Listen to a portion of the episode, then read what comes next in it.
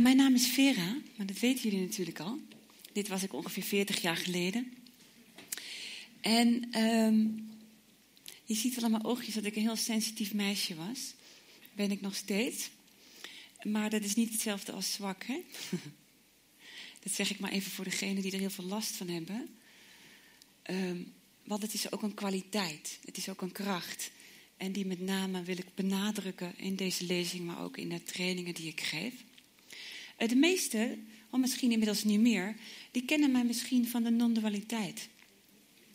En uh, van de week kreeg ik een interessante e-mail in mijn mailbox. Die komen af en toe eens voorbij, ook op social media. Van Veren, wat ben je nou toch aan het doen? Het gaat toch maar om één ding. Het gaat toch alleen maar om die eenheid. Waarom in godsnaam ga je dan met al die randdingen bezig? beetje bijna een beetje boos op mij, hè? Maar dat is niet zoals ik het zie en daar vandaag gaan we het over hebben. Want als we naar die eenheid kijken, hè, zo kennen jullie dat misschien, die cirkel waarin alles zit. Ehm, maar daar even goed hoort bij tada, de magie van de dualiteit. En als het er, ja, ik hou van een beetje magie. Als we het vandaag over projecties hebben, gaat het hier over. Maar ik zeg altijd, het zijn twee zijden van hetzelfde kwartje. Heel veel mensen die helemaal into eenheid zijn en dat licht hebben gezien, die eigenlijk die schuwen de dualiteit. En dat moet in één keer, uh, ja, weggespoeld worden. En dat is niet zoals het werkt, ook niet wat de bedoeling is. Wij zijn hier niet voor niets in deze realiteit van dualiteit. Het is een fantastische, prachtige, geschapen werkelijkheid. Waar wij onszelf kunnen zien middels het alles wat wij om onszelf heen projecteren. En daar natuurlijk gaan wij het vandaag over hebben. Hoe werken die projecties? Wat vertelt ons dat? Maar ook, en daar komen zeker emoties om de hoek kijken, hoe kunnen die projecties ons weer terug naar die eenheid begeleiden? En uh, dat gaan eigenlijk de emoties doen die reactie geven over die projecties. Dat ga ik allemaal uitleggen. Want dat is vast abracadabra als ik het zo vertel. Um, Wat ik heel vaak hoor, hè, ook van mensen, er zijn mensen die met termen zijn begonnen en taal is altijd een beetje beperkt. Hè? Dus er zijn met termen om dingen te omschrijven en de ander schrijft dat weer over of praat dat na, maar heeft het net verkeerd begrepen en vertelt dan het verkeerd begrepen door en zo. En dan hoor je op een gegeven moment, uh, net als dat, dat spelletje wat we vroeger speelden, dat je dan door die oren moest fluisteren en dan aan het eind dan van die, van die daar klopte er helemaal niks meer van. En uh, ik hou ervan om alles weer in de basis gewoon helder te maken. En een van die dingen die ik vaak verkeerd begrepen zie, is spiegeling, uh, projecties. Hoe zit dat nou? Dus inderdaad, spiegelen of projecteren, wat is nou het verschil? Of is het precies hetzelfde?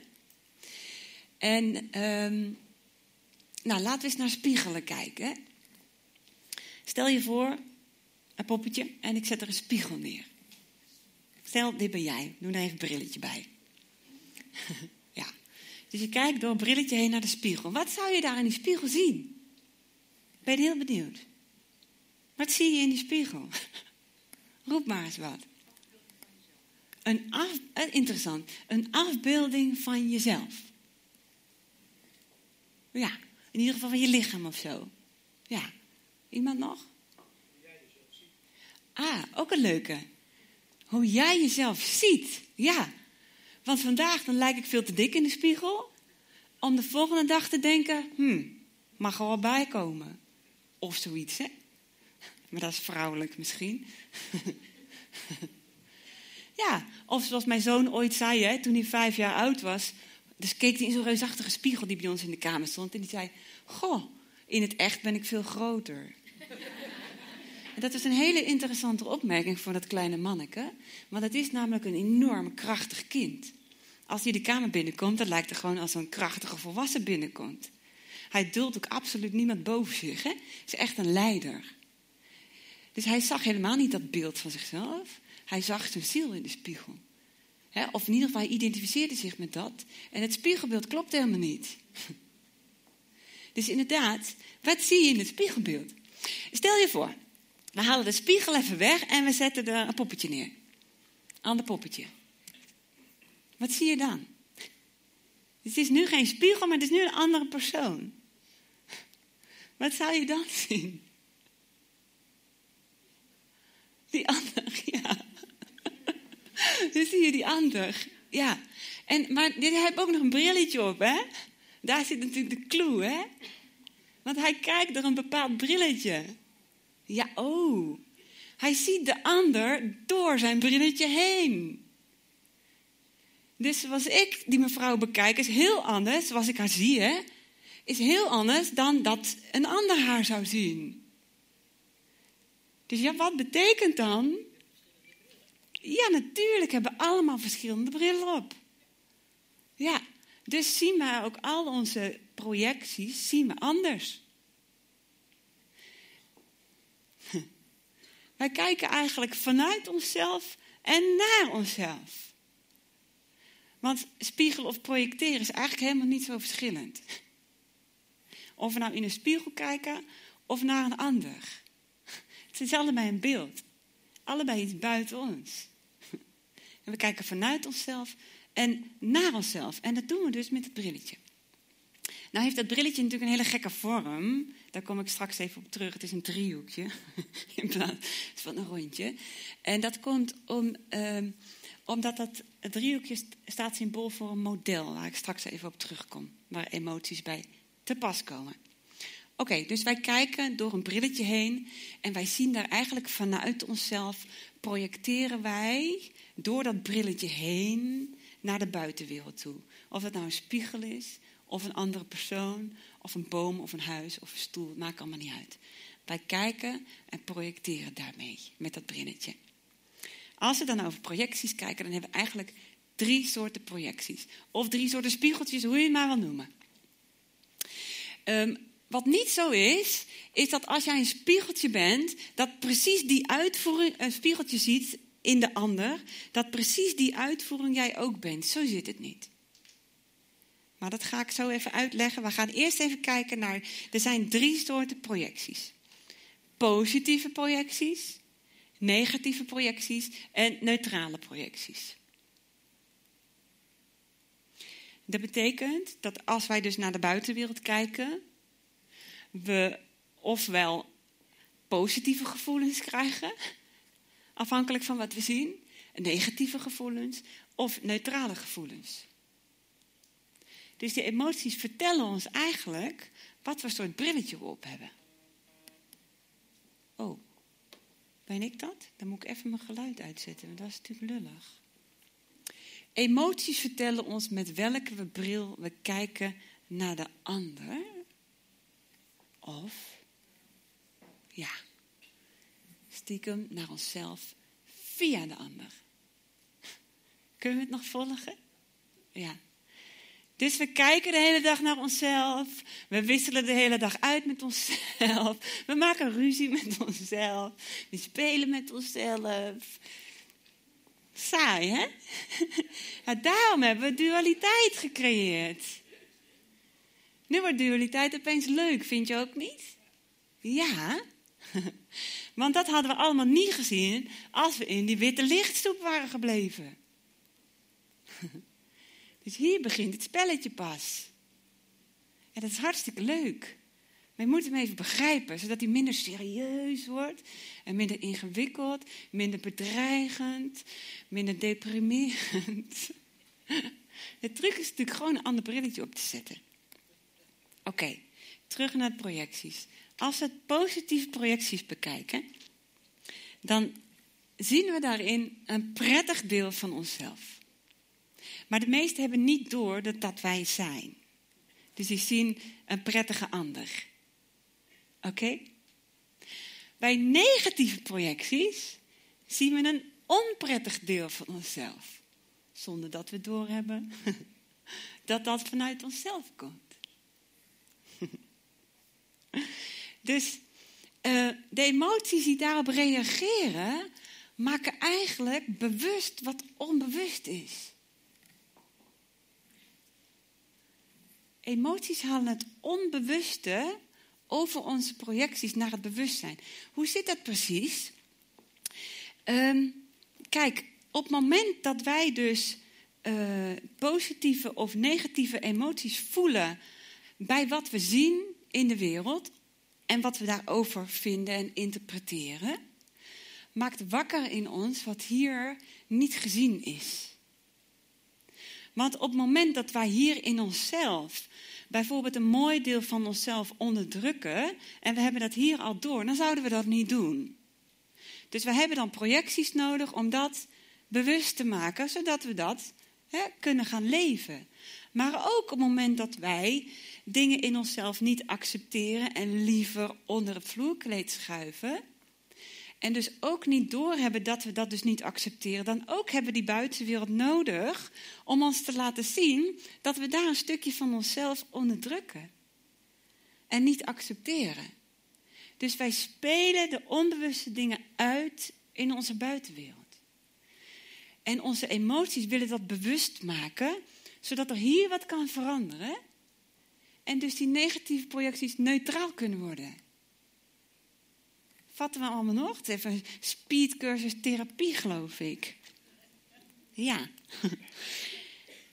Positieve projecties, en we gaan er zo vragen en dieper op in, die laten ons een stukje van onszelf zien dat ook in ons aanwezig is en bevrijd wil worden. Dat wil geleefd worden. Wij mensen willen natuurlijk het volledige potentieel van onszelf lezen.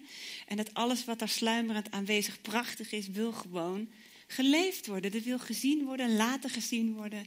Dat is net als de bloemetjes, hè? Die willen bloeien. Mensen willen ook bloeien. En het gros van de mensen bloeit niet omdat ze denken dat dat niet mag. Hè? Of dat ze kleiner gemaakt zijn. En dat zijn gaan geloven zelf. En dat is hartstikke jammer. Negatieve projecties laten een stukje van onszelf zien. Dat ook in onszelf bevrijd, uh, uh, aanwezig is en bevrijd wil worden. Beide precies hetzelfde. Maar dan andersom.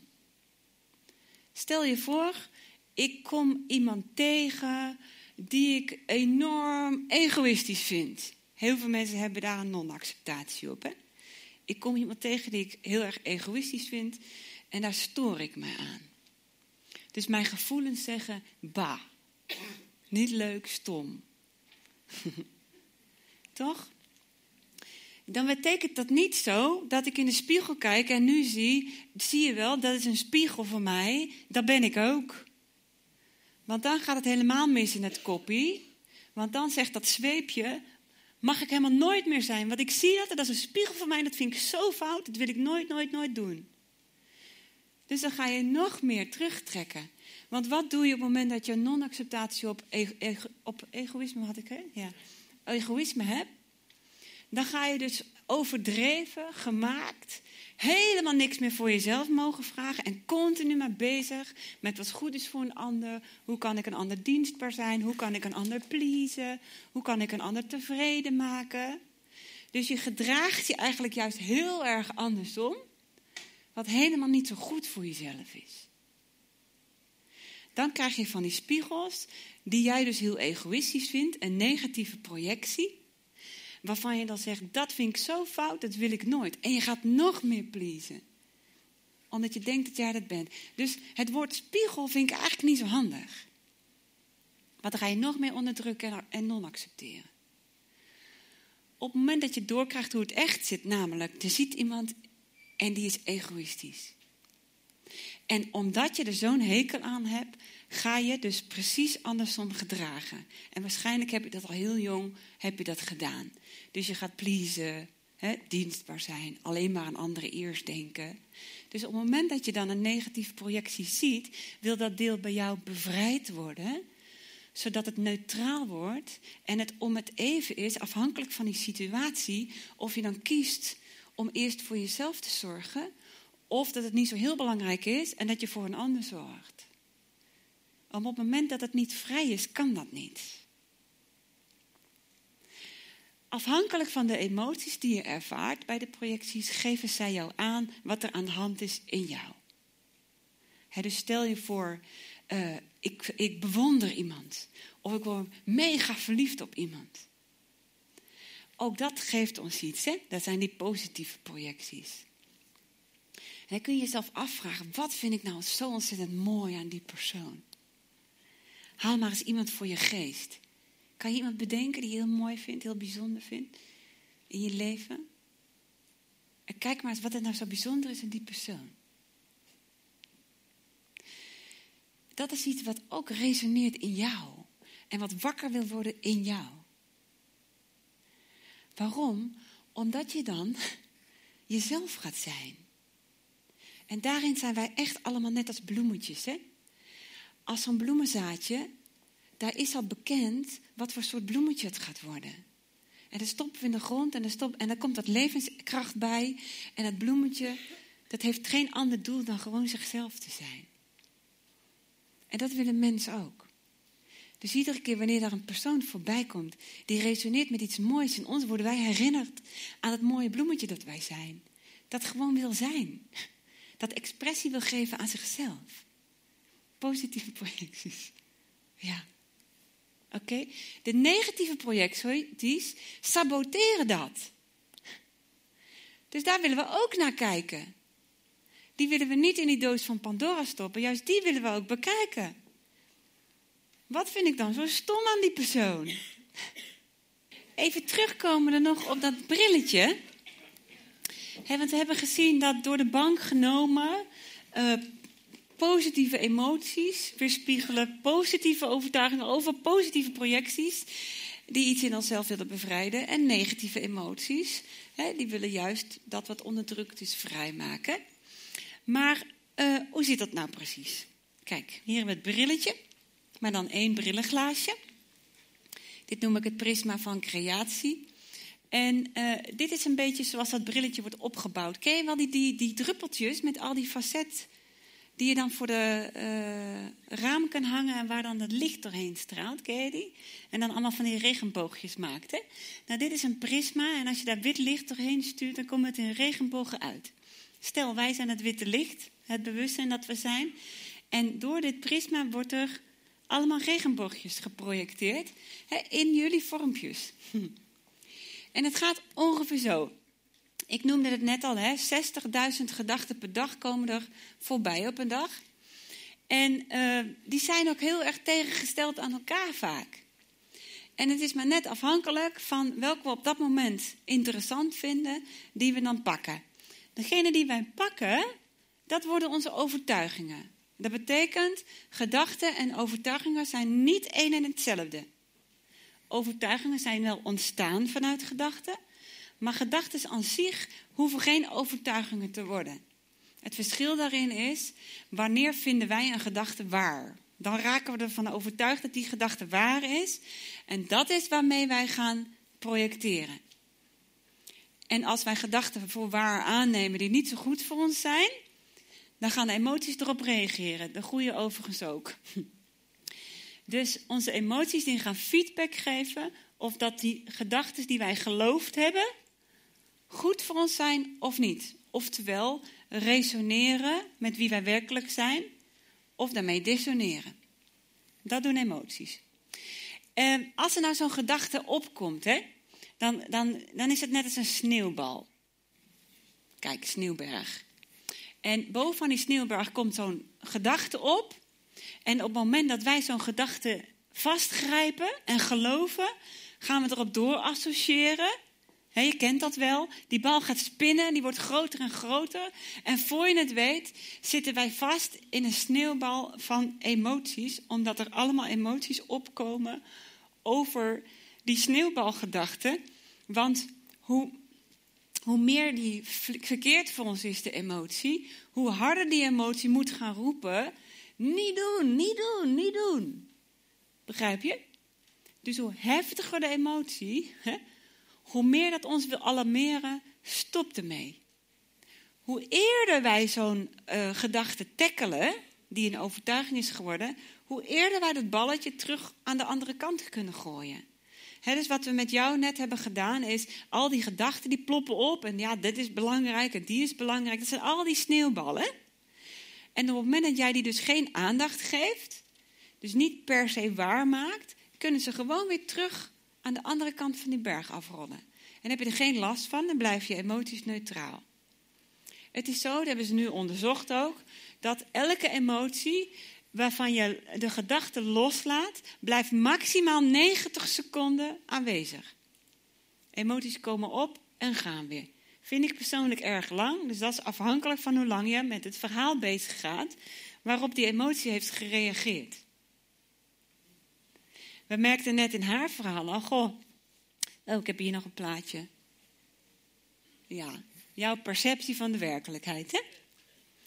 Dus wat wij eigenlijk willen, is dat wij bewust worden dat wij een keus hebben uit de gedachten die opkomen op een dag.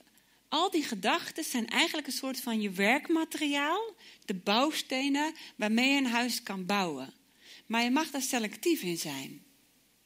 Dus je zegt van nee, die ronde steentjes zijn niet handig om mee te metselen, maar die vierkante grote, die is wel handig. Die gebruik ik. Dat, die pak je wel. Snap je? Dan kan je een huis bouwen wat jij mooi vindt. En um, dus we moeten gaan kiezen. En hoe leren we te kiezen? Dus het moment dat er een emotie reageert, kunnen wij wakker worden. Hé, hey, er is wat gebeurd in het koppie. Wat heb ik gedaan? Was dat slim of niet? Hmm. Negatieve emotie meestal niet zo slim. Positieve was hij wel slim. In ieder geval, dan past die bij ons. Dat betekent ook dat ze volstrekt persoonlijk zijn. Dus wat voor mij waar is, is voor de ander niet waar. Dat betekent ook dat elke waarheid subjectief is. Dus dat we ook als basishouding kunnen aannemen: er is niets wat ik absoluut zeker weet. Elke gedachte die in mijn brein opkomt, neem ik bijvoorbeeld al met een korrel zout. En degene die leuk zijn, waar ik goede, die pak ik als werkmateriaal. Om vervolgens, als het volgende moment niet meer werkt, gewoon lekker weer los te laten. Dat is de basishouding. En onze emoties sturen daar dus in. Nou, die emoties die heb je in allemaal kleuren en soorten en maten. Kijk maar. Tadaa.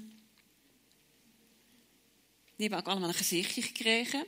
dus als ik dan met haar zo in het gesprek ben over dat, dat uh, verraad en liegen verhaal, dan is het dus heel belangrijk om te gaan kijken gewoon welke emotie reageert. Want die emoties geven dus aan wat er precies geloofd is en wat je daarmee moet als ik bijvoorbeeld schuld, schaamte, uh, dat is helemaal verkleinen en verkrampen. Nou, dat kan niet gezond zijn, hè? Maar ja, als ik een emotie van vreugde voel, ah, goed voor mij.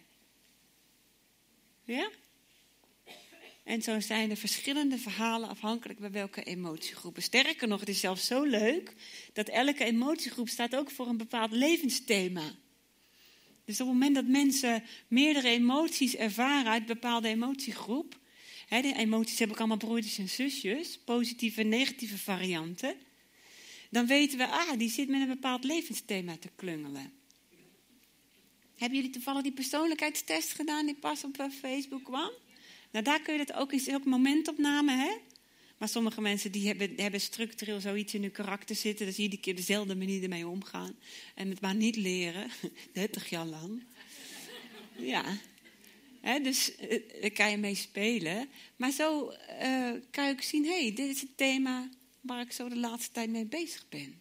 Ik vond het een leuke middag. Ik ben blij dat jullie zulke duidelijke voorbeelden hebben gegeven. Want heel veel is er voorbij gekomen. Hè? Ik had een lezing nog op 15 december staan. Heb ik verplaatst naar 8 december. Maar daar hebben niet veel mensen al last van gehad. Ehm Overigens is ook de opleidingstraject begonnen, maar ik kan gewoon tussentijds instromen, want in principe staan alle modules los van elkaar. Maar er staan hier ook nog brochures en de vrouwen in oranje, die weten er alles van. Dus die kunnen jullie alles nog vragen. Ik heb ook een filmpje online gezet nu waar het allemaal wat duidelijker nog in is uitgelegd. Dus wie weet, gaan jullie nog een keer zien. Heel veel succes, plezier, laat het borrelen. Probeer het niet te hard. En uh, ontspan. Dank jullie wel voor jullie komst. Wel thuis.